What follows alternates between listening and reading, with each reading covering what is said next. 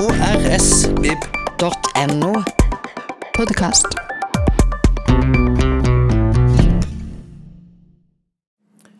Hei, og velkommen til en ny episode av Kristiansand folkebiblioteks podkast. Jeg heter Tore Fjelstad, og i denne episoden så skal vi snakke om eh, Lucinda Riley. Eh, vi skal snakke mest om hennes nyeste roman 'Skyggesøsteren', som da er tredje bok i eh, Syv søstre-serien. Skal også snakke litt om read alike, så hvis du ikke vet hva det er, så skal du få lært det i løpet av denne podkasten. Med meg her i det lille improviserte studioet vårt, så har jeg Camilla Gulbrandsen, som er litteraturformidler. Hallo. Hei. Og også Benedicte Ranestad, som er IKT-konsulent og Riley-fan. Hallo. Og For å begynne med det som kanskje er mest grunnleggende, da. Eh, Camilla, eh, hvem er egentlig Lucinda Riley? Lucinda Reilly hun er en irsk forfatter bosatt i England. Eh, hun eh, debuterte som 24-åring, eh, veldig ung med andre ord. Og da skrev hun under et pseudonym, Lucinda Edmond. Men nå i dag så er jo hun en bestselgende forfatter. Topper salgslistene i bokhandlene og utlånsstatistikken her på biblioteket. Mm. Skrev under pseudonym, faktisk. Men altså, Lucinda Riley er hennes faktiske navn? Ja, stemmer. Ja. Og så skrev hun Lucinda Edmund. Er det noe, vet vi noe om hvorfor, eller er det litt ukjent? Jeg vet ikke hvorfor, men jeg kan jo tenke meg at det er noe en ung og uerfaren forfatter gjør før man på en måte har fått eh, tryggheten på håndverket sitt. Mm. Nå har du altså en eh, ny bokserie ut. som Den er ikke helt ny, for den, det er vel tredje bok som er kommet nå. Eh, men Benedicte, kan du fortelle litt om den serien? Hva, hva, er, det som, eh, som kjennetegner den, eller hva, hva er det som gjør den så interessant? Serien handler jo om eh, seks søstre som skal finne sitt opprinnelige opphav etter at adoptivfaren deres, eh, Pa, døde.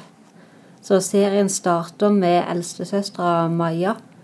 Når de søstrene når de samles i Genéve for å eh, mimres om faren som er død, men begravelsen har allerede skjedd.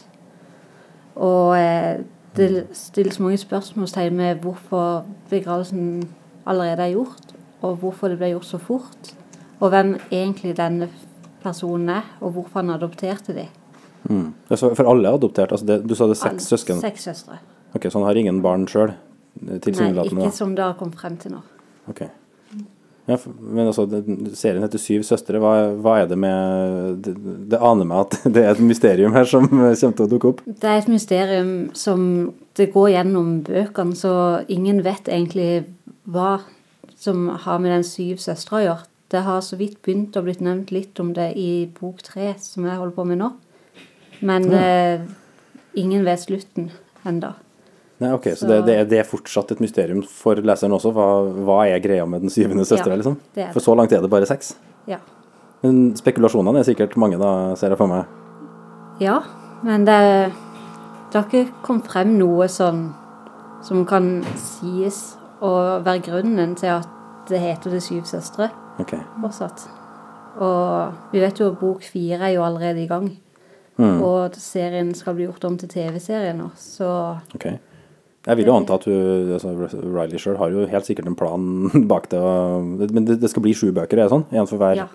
Så det, vi kan kanskje forvente oss at det er den siste boka, at det er liksom store avsløringer, eller en Regner med det og håper det. konklusjonen kommer jo i hvert fall der, da. Så bra. Men eh, Camilla, du snakka om at den eh, serien var blitt veldig populær, at den er liksom på utenlandstoppen osv. Men hva er, som, eh, hva er det egentlig som gjør at den er så populær?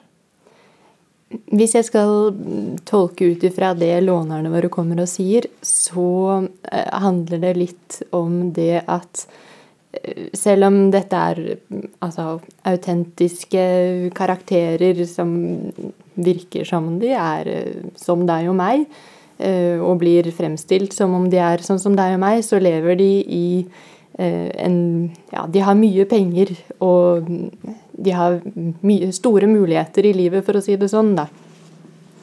Eh, og de er, de er sterke personligheter. Eh, hun Ally i forrige bok, 'Stormens søster', eh, hun er jo en regattaseiler. Eh, jeg tror det er noe med disse store mulighetene. Det er mye glamour, kan du si.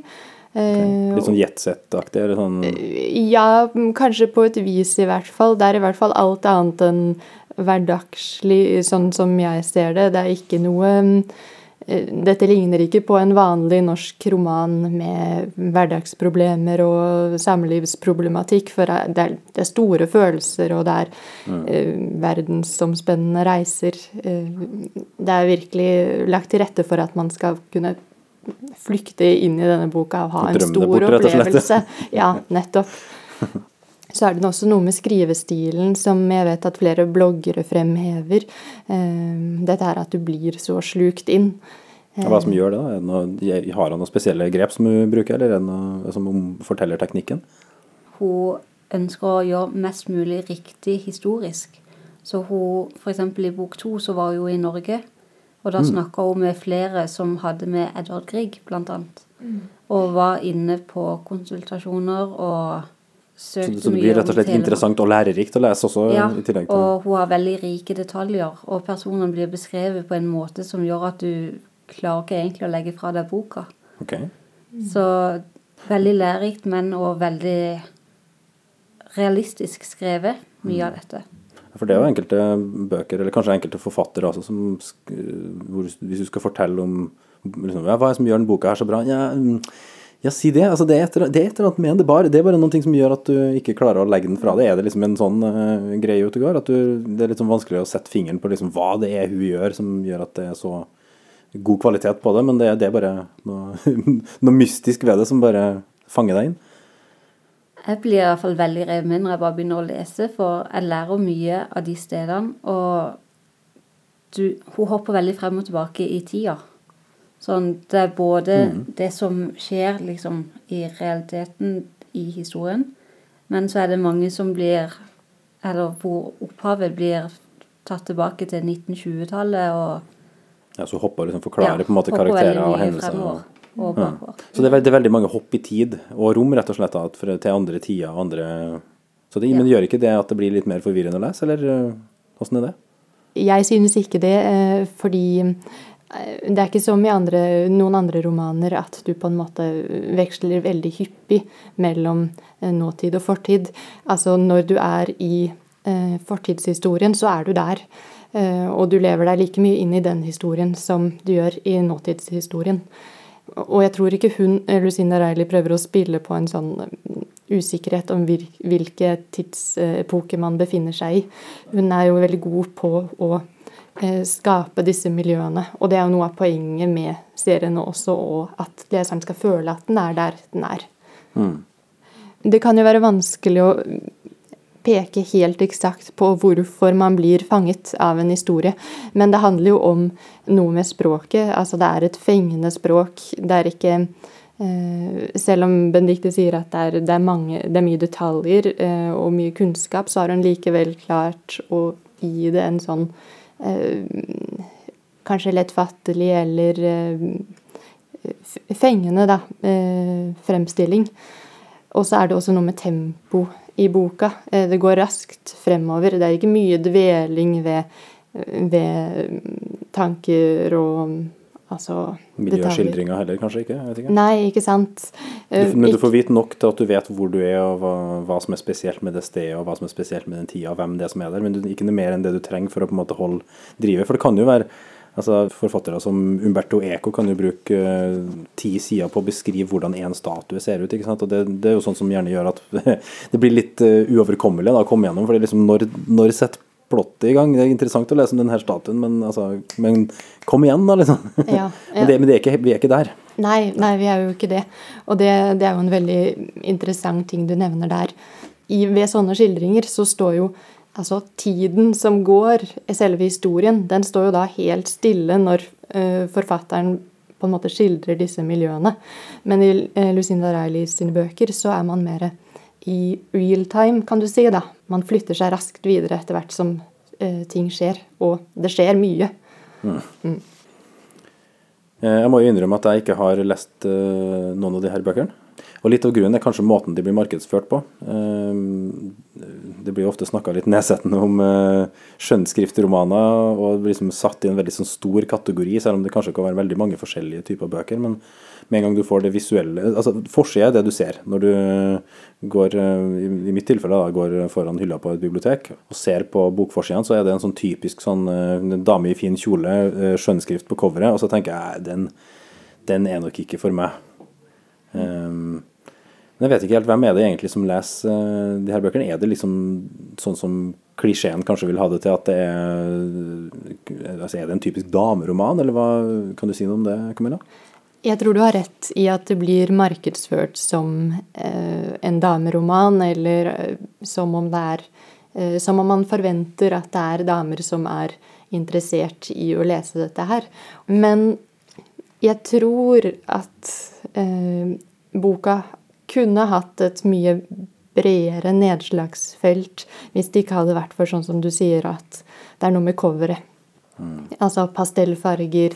Eh, og så er det dette her med at med en gang det er en kvinne i sentrum for en historie, så, så blir det plutselig bare interessant for halvparten av befolkningen. Det er, det er merkelig og Det er jo egentlig, egentlig litt tåpelig og gammeldags at det skal være sånn, men, men det er jo litt sånn tilsynelatende. Ja, altså det er jo et forsøk på å få boka til å nå ut til flere, da, og altså å eh, på en måte hjelpe markedsføringen, eh, gjøre så den appellerer til de man tror skal lese, altså kvinnene. Og da setter man på den dette coveret. eh, eh, men ja, man tenker kanskje ikke over at at dette, som Benedicte sier, også er en historisk roman, og den er godt eh, researchet av eh, Lucinda. Hun har jo lest, lest masse for å på en måte være troverdig i historien sin.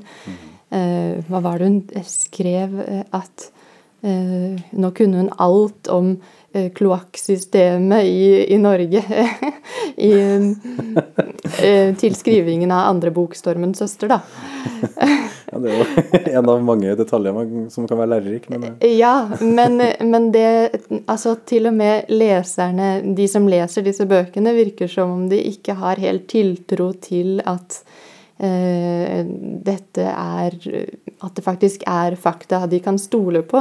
Og om det er fordi de på en måte automatisk eh, tillegger Lucinda Riley en sånn eh, dameromanrolle, eller hva, det er jeg usikker på. Men noen bloggere har sagt det at de eh, Altså, de er usikre eh, på på om det her eh, Hvor Er historisk korrekt det egentlig er. Ja, det, det de liker å lære om, om nye ting når de leser, men, de er, eh, men kan de stole på dette her? De vet ikke helt.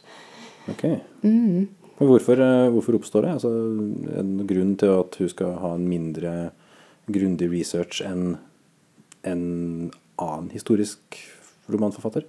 Nei, det, det tror jeg ikke det er. Altså alle historier er jo farget på et vis, så hvor på en måte korrekt kunnskap man kan trekke ut av det, det, eh, det gidder vi kanskje ikke å diskutere nå.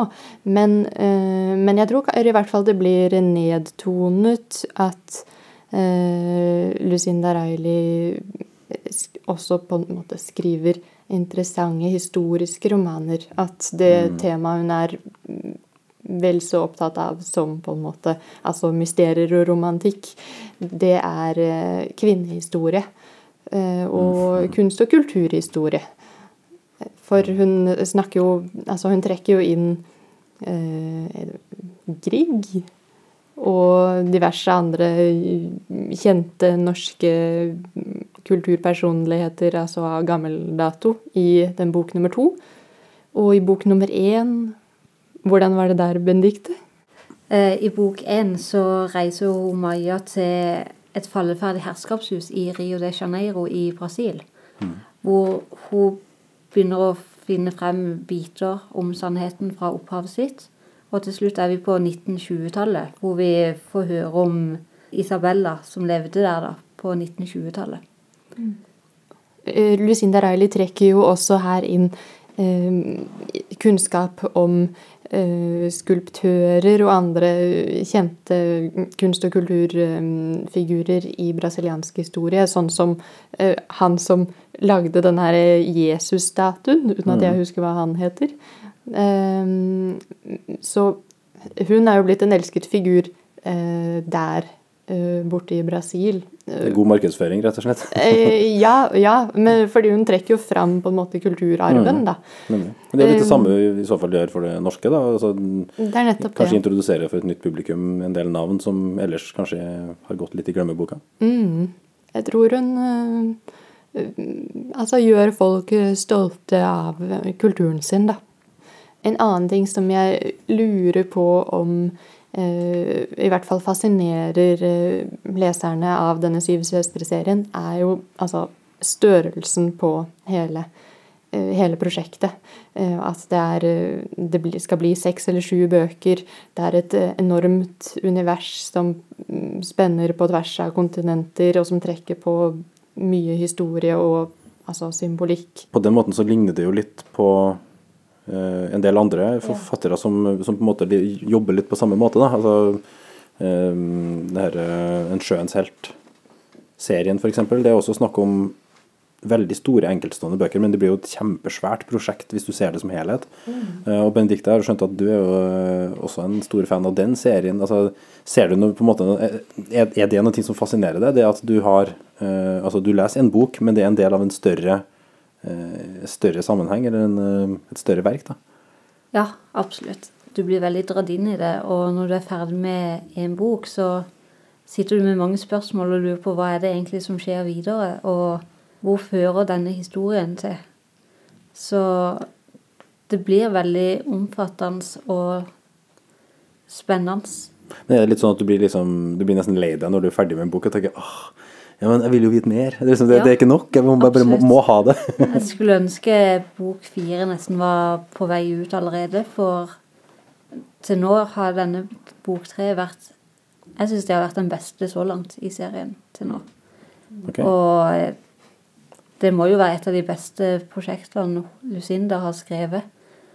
For og historisk så er dette noe av det beste, syns jeg. Mm.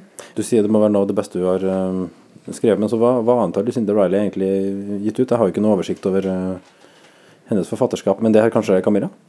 Eh, Hun har skrevet en bok som heter 'Den italienske jenta'. Hun har skrevet en bok som heter 'Midnattsrosen'. Eh, og så er er det 'Stjernetreet' en heter. Eh, hun har også skrevet 'Engletreet' Ja. og 'Helenas hemmelighet'. Ok. Men alt det her er enkeltbøker. Ja. Så det er på en måte det første sånn ordentlig store prosjektet som hun egentlig gir seg i kast med her, da. Det nevnes som hennes mest eh, ambisiøse prosjekt til nå. Og mm, altså bare som en bisetning eh, Hun kom jo nettopp ut med den her eh, på norsk, da, den Helenas hemmelighet, så det, det kommer virkelig tett i tett her. Men i forhold til det vi snakket om i stad, eh, dette med at, eh, at hun kanskje ikke blir på en måte presentert så mye for et mannlig publikum. Men, eh, men med denne serien som faktisk er så monumental, da, og så mm, såpass ambisiøs, jeg ville jo tenkt at man eh, virkelig altså, burde åpnet opp for at her kanskje er det et større publikum enn det man har tenkt med de andre tidligere titlene hennes.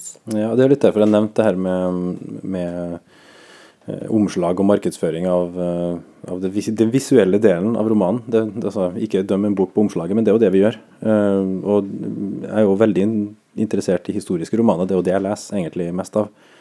Uh, men hadde jo ikke tenkt på det her som en historisk romanserie. Så det, det, det å lære litt mer om det er jo litt en øyeåpner sånn sett, og gjør at det er mer interessant, da, for min del i hvert fall. Uh, men der kan du egentlig kanskje si at der hvor forlagene da egentlig har satsa på å nå ut til de mest sannsynlige leserne, og så kutte vekk en stor del av den potensielle lesermassen ved å bare si at eh, ok, det, nå skal vi konsentrere oss om å nå disse, men, eh, men til eksklusjon av alle andre, liksom. Det kan jo også være en svakhet, jeg vet ikke. Vi kan la den henge i lufta. Dette med denne um, sjuende søsteren som vi ikke vet hvem er. Vi aner jo at det er et mysterium som må løses her. Og, og det er jo altså Det er jo slektsforskning. Eh, dette handler om hvem er, hvem er de ekte foreldrene. Eh, noe som gjør denne boka, eller denne serien, litt annerledes enn andre eh, andre bøker med samme, eh, med samme tema. Altså, det er jo hundrevis av titler som, eh, som dreier seg om type type Ja, Finn sin eh, hemmelige bror og den eh, Ja, fortapte sønnen ja, og sånne ting. nettopp. Eh, det er veldig mye som handler om det for tiden. Men, men de fleste av disse bøkene, der er det en sånn eh, En ting eh, som på en måte fungerer som katalysator, og så eh, hovedpersonen finner denne tingen Et objekt, liksom sånn eh, Å, det er bestefars gamle et eller annet, eller ja, ja, de finner disse tingene eh, gjennom et oppdrag de har, eller noe de skulle gjøre uansett. Søstrene de må ut og lete etter alle hemmelighetene. Eh, utgangspunktet i alle disse reisene er jo brevet som hver av søstrene har fått etter adoptivfaren sin død. Så et slags Og- testamente eller sånn Ja, litt testament, og han har skrevet litt informasjon om hvor de kan begynne å lete hvis de ønsker å finne opphavet sitt. Som noen Ok, sånn, ja. hint. Og hver av søstrene har et uttrykk på latinsk som han oversetter, som både går litt på hvordan eh, med navnene, men Mm. legger også ved f.eks. adresse til et sted hvor de kan begynne, og hvem de skal spørre etter. Som gjør, gir litt informasjon videre, da. Så han gir deg rett, dem rett og slett et, eh, et, en ledetråd til en, til en mulig ekspedisjon til, tilbake til der de kommer fra, som da blir danner utgangspunktet for hver av de bøkene, egentlig, da, kan du si. Ja, så det var jo som i bok én, der var det i Brasil. Mm. I bok to var Norge. Ja. I denne så er det i England mye av det foregår. Ja. Og vi kan forvente at det vil være noe lignende antagelig de neste også, at det er et land eller en æra eller I den Vi har fått vite litt om eh, den neste boka. At den vil foregå mest i Thailand og litt i Australia. Ja. Vi tenkte vel at det var greit for å få litt inntrykk av tonen og um, skrivestilen eh, i de her bøkene, så kunne vi få Benedicte til å eh, lese en seksjon høyt fra, um, fra den skyggesøsteren, den eh, tredje boka. da. Eh, Hvor er det vi er hen i fortellinga nå? Det er ganske tidlig i fortellinga hvor eh, Star, som søstera i denne boka heter, har, skal åpne det brevet som hun har fått av adoptivfaren. Hun har reist hjem til barndomshjemmet i Genévesjøen i Sveits, som heter Atlantis. Og da sitter hun i hagen som hun og adoptivfaren jobber mye i. og Sammen så styrte de blomstene og passa på at alt grodde. og Mm. ja. Så det er der hun sitter og leser dette brevet, da. Ja, og der, Vi hopper altså inn i fortellinga idet hun begynner å lese det brevet. Ja. I starten av brevet. Vær så god. Min kjæreste Star. Det virker så riktig at jeg skriver til deg nå. For vi vet jo begge at det er den kommunikasjonsformen du liker best. Den dag i dag gleder jeg meg over de lange brevene du skrev til meg da du var på internatskolen og universitetet. Og senere under de mange reisene du har foretatt til alle fire verdenshjørner. Som du kanskje allerede vet, har jeg forsøkt å utruste hver av dere med tilstrekkelig informasjon til at dere kan finne frem til den genetiske arven deres. Selv om jeg gjerne vil tro at alle dere jentene virkelig er mine, og like mye en del av meg, som et hvilket som helst biologisk avkom ville være, kan det komme en dag da den informasjonen jeg sitter inne med, kan være til nytte for dere. Når det er sagt, aksepterer jeg også at det ikke er en reise alle døtrene mine vil ønske å foreta. Og det gjelder spesielt deg, min kjære Star, som kanskje er den mest følsomme og komplekse av alle dere jentene mine. Dette er det brevet jeg har brukt lengst tid på å forfatte, delvis fordi jeg har skrevet det på engelsk istedenfor fransk, og fordi jeg vet at dine kunnskaper om grammatikk og tegnsetting langt overgår mine. Du må være så snill å bære over med de feilene jeg eventuelt har gjort. Men også fordi jeg må tilstå at jeg strever med å finne ut hvordan jeg skal klare å gi deg akkurat tilstrekkelig informasjon til at du kan finne opprinnelsen din, uten å snu opp ned på livet ditt dersom du velger å la være å lete deg frem til røttene dine. Interessant nok har de sporene jeg har vært i stand til å gi søstrene dine, for en stor del bestått av døde ting men dine opplysninger vil omfatte kommunikasjon av verbal art, simpelthen fordi den veien som fører tilbake til den opprinnelige historien din, har vært godt skjult i alle disse årene, og du vil trenge hjelp fra andre for å nøste opp trådene. Det er ikke så lenge siden jeg selv fant frem til detaljene, men hvis noen kan klare det, er det du, min gløggestad. Din kjappe hjerne kombinert med din forståelse av den menneskelige natur, som du har studert gjennom mange års observasjoner, og det viktigste av alt, gjennom å lytte, vil være til god hjelp for deg hvis du bestemmer deg for å følge ledetrådene. Jeg har gitt deg en adresse, den står på et kort som er festet til baksiden av dette brevet, og hvis du velger å oppsøke den, skal du spørre etter en kvinne ved navn Flora McNichol.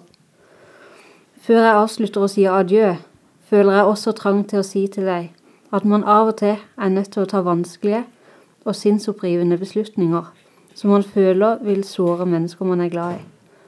Og det gjør de kanskje også, i det minste for en periode. Men ofte vil det vise seg at de forandringene som oppstår i kjølvannet av en slik beslutning, faktisk er til det beste for disse andre også, og at det hjelper dem å gå videre. Min kjæreste sa, jeg vil ikke forsøke å påvirke ved å si mer, for vi vet begge hva jeg sikter til. Gjennom mine år på jorden har jeg lært at ingenting kan forbli det samme bestandig. Å tro det er utvilsomt det største feilgrepet vi mennesker kan begå. Forandring vil komme, enten vi ønsker det eller ikke, på en mengde forskjellige måter. Å akseptere dette er helt nødvendig hvis vi virkelig skal kunne glede oss over livet her, på denne fabelaktige planeten vår. Stell ikke bare med den vidunderlige hagen vi skapte sammen, men kanskje også med din egen hage et helt annet sted. Og fremfor alt, ta vare på deg selv, og følg din egen stjerne. Tiden er inne. Din kjærlige far, Pasolt. Mm. Og det er rett og slett brevet som uh, Star får fra faren sin, og som setter i gang hele, egentlig hele historien da, for denne uh, tredje boka i serien. Mm. Vi nevnte vel innledningsvis at uh, vi skulle snakke litt om read-alikes. Og um, da, Camilla, skal du få lov til å forklare hva i all verden er egentlig en read-alike? En read-alike, det er en bok som kjennes lik å lese ut. Um, den trenger ikke å ha akkurat samme plott. Handlingen må ikke være den samme, men det må være Eh, noen appellfaktorer, kaller man det da. Det kan være mm, skrivestilen, tonen, eh, tempoet eller noe annet eh, som må være likt mm. som den boka du på en måte jobber ut ifra, da. Så det kan være en bok i en helt annen sjanger, men den, men den føles lik, eller lignende, da. Mm, det stemmer. Det, faktisk så er det et poeng at man skal prøve å trekke denne boka inn i andre sjangere eller litt andre typer skrivestiler, sånn at, eh, sånn at, leseren kan få, en, få, seg en overraskelse, prøve ut noe nytt da, på en måte, men fortsatt være, eh, kjenne seg trygg på at han vil eh, ha en god opplevelse, kan du mm. si. Det er jo et begrep jeg, Det er ikke mange år siden jeg aldri hadde hørt om det. Nå syns jeg jeg hører det egentlig litt uh, overalt. Altså, er det noe som har kommet inn nå nylig, eller hva, hva er greia rundt det? Altså, Amerikanerne de har jo holdt på med dette lenge. Eh, og de har, de har, et system som man kaller eh, Readers Advisory, som man bruker i bibliotekene. Der man skal hjelpe lånerne med å, med å finne andre bøker de kan like. Og her er read-aliken, den er sentral, da. Men norske, norske lesere vil sikkert kjenne igjen ordet read-alikes fra sider som Goodreads og ja, amerikanske nettsider. Eh, tanken nå er at de som har likt eh, Lucinda Riley, og mer spesifikt De syv søstre-seriene, de skal kunne finne noe på, blant disse bøkene som vi har plukket ut blant, i denne listen, eh, som de vil like. Um, det er kanskje ikke ting som de hadde um, plukket ut selv, hvis de gikk uh, rundt i bokhyllene. Kanskje litt pga. cover og markedsføring også? Eh, for all del, det kan hende. Uh, men også fordi jeg tror at mange lesere har det med å gå Altså, de tenker Lucinda Riley. Da liker jeg sikkert også uh, Catherine Webb, Kate Morton uh, Bøker som sikkert kan uh, også ligne. Men og så stopper det litt der, da. Fordi mm. det er også bøker som, som blir frontet massivt, og som er bestselgere og lette å finne fram til, og som vil eh, oppleves like i, i, dette her med at det er et mysterium som skal løses ofte og sånn, ikke sant. Eh, mysterium, romantikk og litt eh, spenning og alt på en gang, ja, liksom? Ja, og gamle slott og, og den typen ting. Eh, men, men, hva skal man gjøre når man har lest disse? Mm. Eh, kanskje man blir sittende litt fast. Eh, da, da, håper jeg at en sånn her liste kan være litt til hjelp, da. Mm. Jeg ser jo du har en lang liste med sånne read-alikes eh, her, men uh, vi skal vel i hovedsak snakke litt om tre av de, de, bøkene du har valgt ut. Men hva slags kriterier har du egentlig brukt for å komme frem til akkurat de, de titlene her, da? Eh, da har vi tatt utgangspunkt i, i disse appellfaktorene som jeg snakket om i stad. Eh, og så har jeg brukt et verktøy som eh, heter Eh, The Novelist, som er en amerikansk side. Det er en tjeneste som alle dere låner oss har tilgang til gjennom eh, Deichmans eh, nettside. Så da kan man gå inn, og så kan man plotte inn en bok man liker, og så vil man kunne se hva det er som kjennetegner denne boka. Og så vil den også foreslå eh, read-alikes. Men denne siden her den er jo eh, spesialisert på engelske og amerikanske bøker, så det, det er jo en liten ulempe når vi er i et norsk bibliotek. Ja, for det er ikke alt vi kanskje har oversatt til nei, norsk? Nei, ikke sant. Og man vil jo heller ikke få inn da norske bøker med mindre, mm, eller sånn. nordiske bøker, med mindre de er blitt oversatt til engelsk. Men um, det er et stort system med en rekke appellfaktorer. Og Eh, hos Lucinda Riley så legger eh, denne her Novelist-tjenesten den legger vekt på at det er et kjapt tempo, sånn som vi har snakket om. Eh, den legger vekt på at stemningen, tonen, er romantisk. Og den legger vekt på at skrivestilen er fengende. Det er dette her som gjør at man på en måte ikke klarer å slippe tak i historien. Da. At du bare blir dratt med, sugd, sugd inn. Og i tillegg så er det eh, disse her to parallelle narrativene. Um, Nåtid og fortid, liksom? Ja. Mm. At man hopper fram og tilbake i tid. Som, som jeg vil anslå som ganske viktig. Så da, når, vi, når jeg har valgt ut noen read-likes nå, så har jeg forsøkt å finne andre bøker som eh, også har disse appellfaktorene. Eh, det er ikke så lett alltid å finne bøker som, har, som kan tikke av alle. Men, men, noen ganger kan det holde at det, at det er én eller to som matcher, og så vil man kanskje eh, likevel føle at dette, dette var noe for meg, da. Og så hjelper det jo så klart hvis man, hvis man har et bevisst forhold til hva det er man liker. Hvis man vet man liker bøker som har et veldig høyt tempo. Mm. Eller som har altså, voldsomme lidenskapelige følelser, veldig romantisk tone. Så, så, kan man fokusere på det, ikke sant. Mm. Jeg, har, da, jeg, har, valgt ut tre bøker. Eh, den første er uh, The Girl You Left Behind av Jojo Moyes, som sikkert er kjent for mange. Og så er det Julie av Anne Fortier. Uh, og så til slutt så er det en bok som heter The Map of Love av Adaf Sveif. Litt usikker på hvordan man uttaler det navnet, men forfatteren er amerikansk-egyptisk. Mm. Ja. Bare for å begynne med eh, Jojo Moyes. Eh, hun er jo også en bestselgende forfatter. Eh, nettopp nå ute med boka 'Paris for én'. Eh, den har vært den har faktisk ikke fått uh, like stor oppslutning som de hun vanligvis får. Det ble vel ansett litt som en sånn der eh, mellomspill før neste bok kommer. Denne her boka har jo ikke blitt oversatt til norsk ennå, og jeg vil, uh, jeg vil, faktisk anta at det ikke er så mange norske lesere som er kjent med at hun har skrevet en slik historisk roman. Um, for du hadde ikke hørt om den, hadde du vel, Benedicte? Nei, Det hadde jeg ikke. Jeg har kun lest alt som er blitt oversatt til norsk. Så denne boka er nok en jeg må få lest nå snart.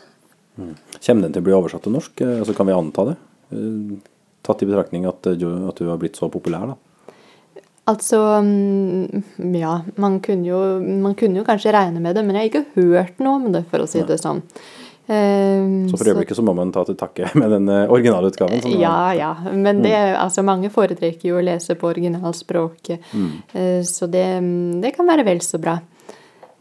Eh, Men det som er, det som er eh, greia da, i, i denne romanen, er kunsttyveri, faktisk. Så, så det er jo noe den faktisk har til felles med Lucinda Riley-bøkene og en rekke andre eh, mysteriebøker at det, er, det handler om kunst og kultur. Eh, jeg vet ikke hvorfor det er sånn, men det er tydeligvis veldig populært, eller, eller man har funnet ut at det er noe som er eh, appellerende for publikum. For, eh, men her har vi også to historier, en i nåtid og en i fortid, eh, som det veksles mellom. Eh, og i nåtid så har engelske liv Hun har fått et maleri i gave av sin avdøde mann. Og så blir det avslørt at dette maleriet faktisk er eh, tjuvgods, da, kan du si. Mm. og så hopper vi tilbake i tid til eh, første verdenskrig, eh, hvor det er en kjærlighetshistorie mellom en mann og en kvinne i Frankrike. Eh, mannen er maler, og han blir sendt av gårde eh, ut til fronten. Så mysteriet her er jo altså både hva skjedde under første verdenskrig med disse som eide dette maleriet, og får livet på en måte nøste opp i denne historien, da. Eh, Romanen den vinner stort på at eh, dette kunstmysteriet det er realistisk. For dette var jo noe som var veldig vanlig, at eh, okkuperte ble frastjålet verdifulle gjenstander, og særlig kunst, av tyskerne. Så det er et eh, veldig realistisk eh, historisk mysterium som jeg tror leseren kan sette god pris på. Og så I tillegg så er det den her litt sånn bittersøte, romantiske tonen som eh, Jojo Moyes er veldig god på. Og så er det den her fengslende skrivestilen som vi nå kjenner fra Lucinda Riley, som gjør at du på en måte ikke klarer å legge boka ned. Mm, Noen, noen ting med tempo eller et eller annet som gjør at du bare liksom Ok, men vi tar et kapittel til, liksom. Mm, ja, men ikke nødvendigvis tempoet. For eh, det kan godt hende at tempoet i denne boken er hakket på en måte mer eh, nedpå, men likevel så blir du eh, grepet, da. Mm. Eh, og så den neste boka vi har valgt ut, det var jo denne The Map of Love av Adaf Swife. Eh, Det vanskelige navnet. Eh, Den er ikke oversatt til norsk, den heller. Eh, Denne boka er eh, litt eh, annerledes enn de andre vi har valgt ut, i det at den nok legger større vekt på at språket skal være godt. Og den har jo også fått blitt nominert til Booker-prisen, som er et veldig tydelig kvalitetsstempel innenfor engelsk litteratur. Men plottet er veldig på en måte gjenkjennelig.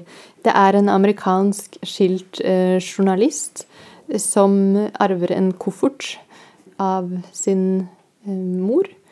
Eh, og den er full av eh, brev som hun ikke klarer å lese fordi de er på arabisk. Og på, da, på oppfordring fra mannen hun er eh, forelsket i, en amerikansk egypter, eh, så drar hun til Egypt for å prate med søsteren hans og få de oversatt. Og det de da finner ut, eh, er at søsteren til denne mannen faktisk er i slekt med hovedpersonen Isabel, og at de har en eh, felles oldemor som i sin tid utvandret til eh, Egypt og var eh, litt av et kvinnfolk, kan du si, da. Eh, Så det er, det er duket for en veldig spennende historie.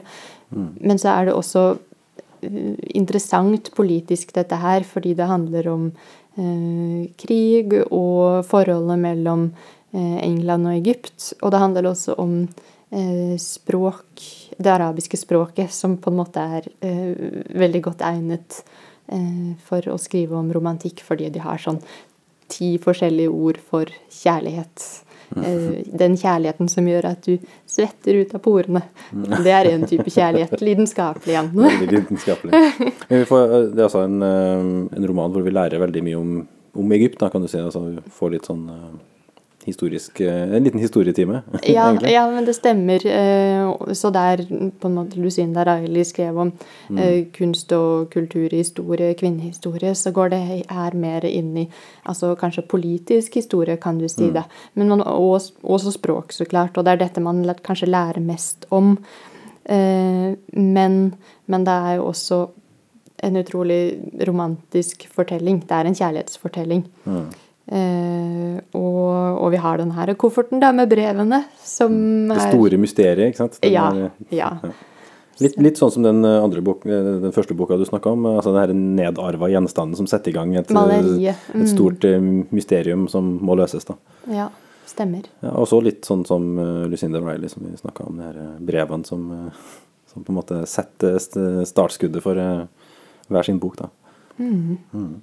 Du snakka at du var tre bøker du ville trekke frem. Hva, hva var den siste? Eh, Den siste, den eh, heter 'Julie' av eh, Anne Fortier, og den har vi på norsk, da.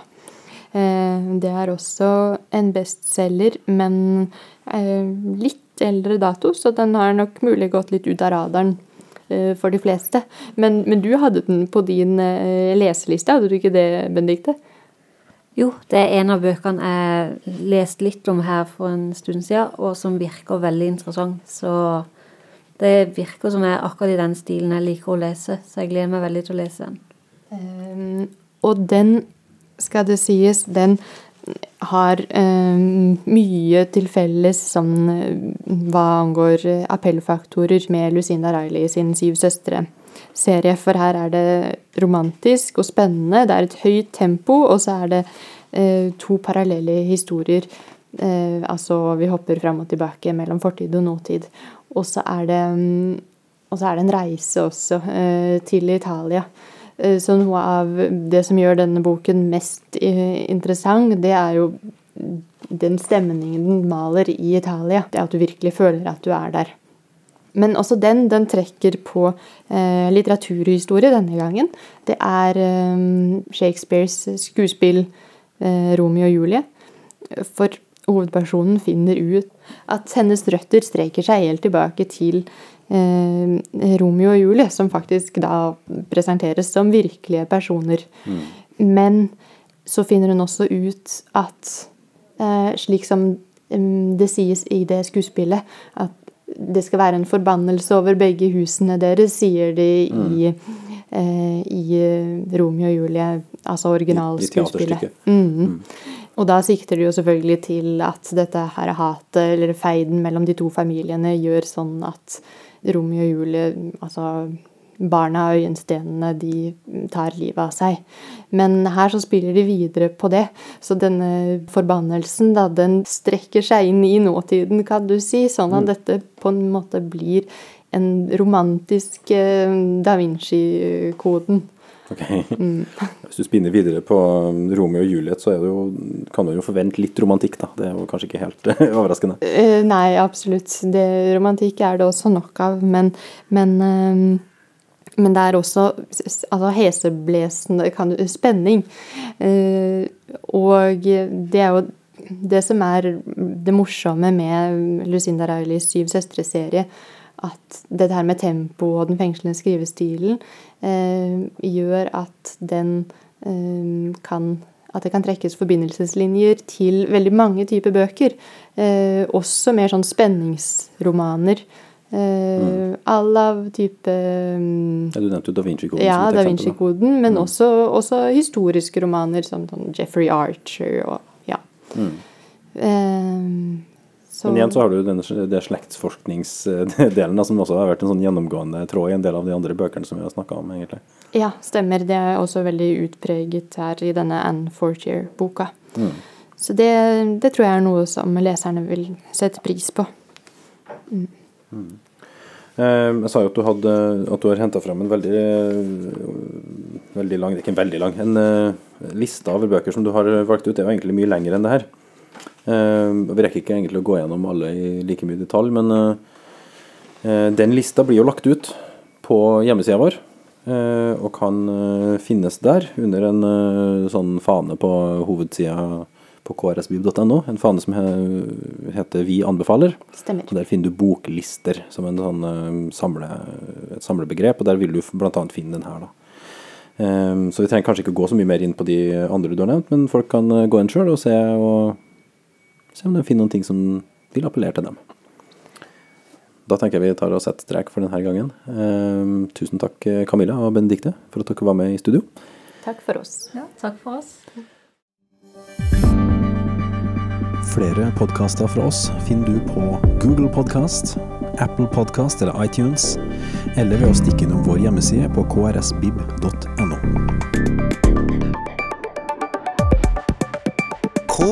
krsbib.no.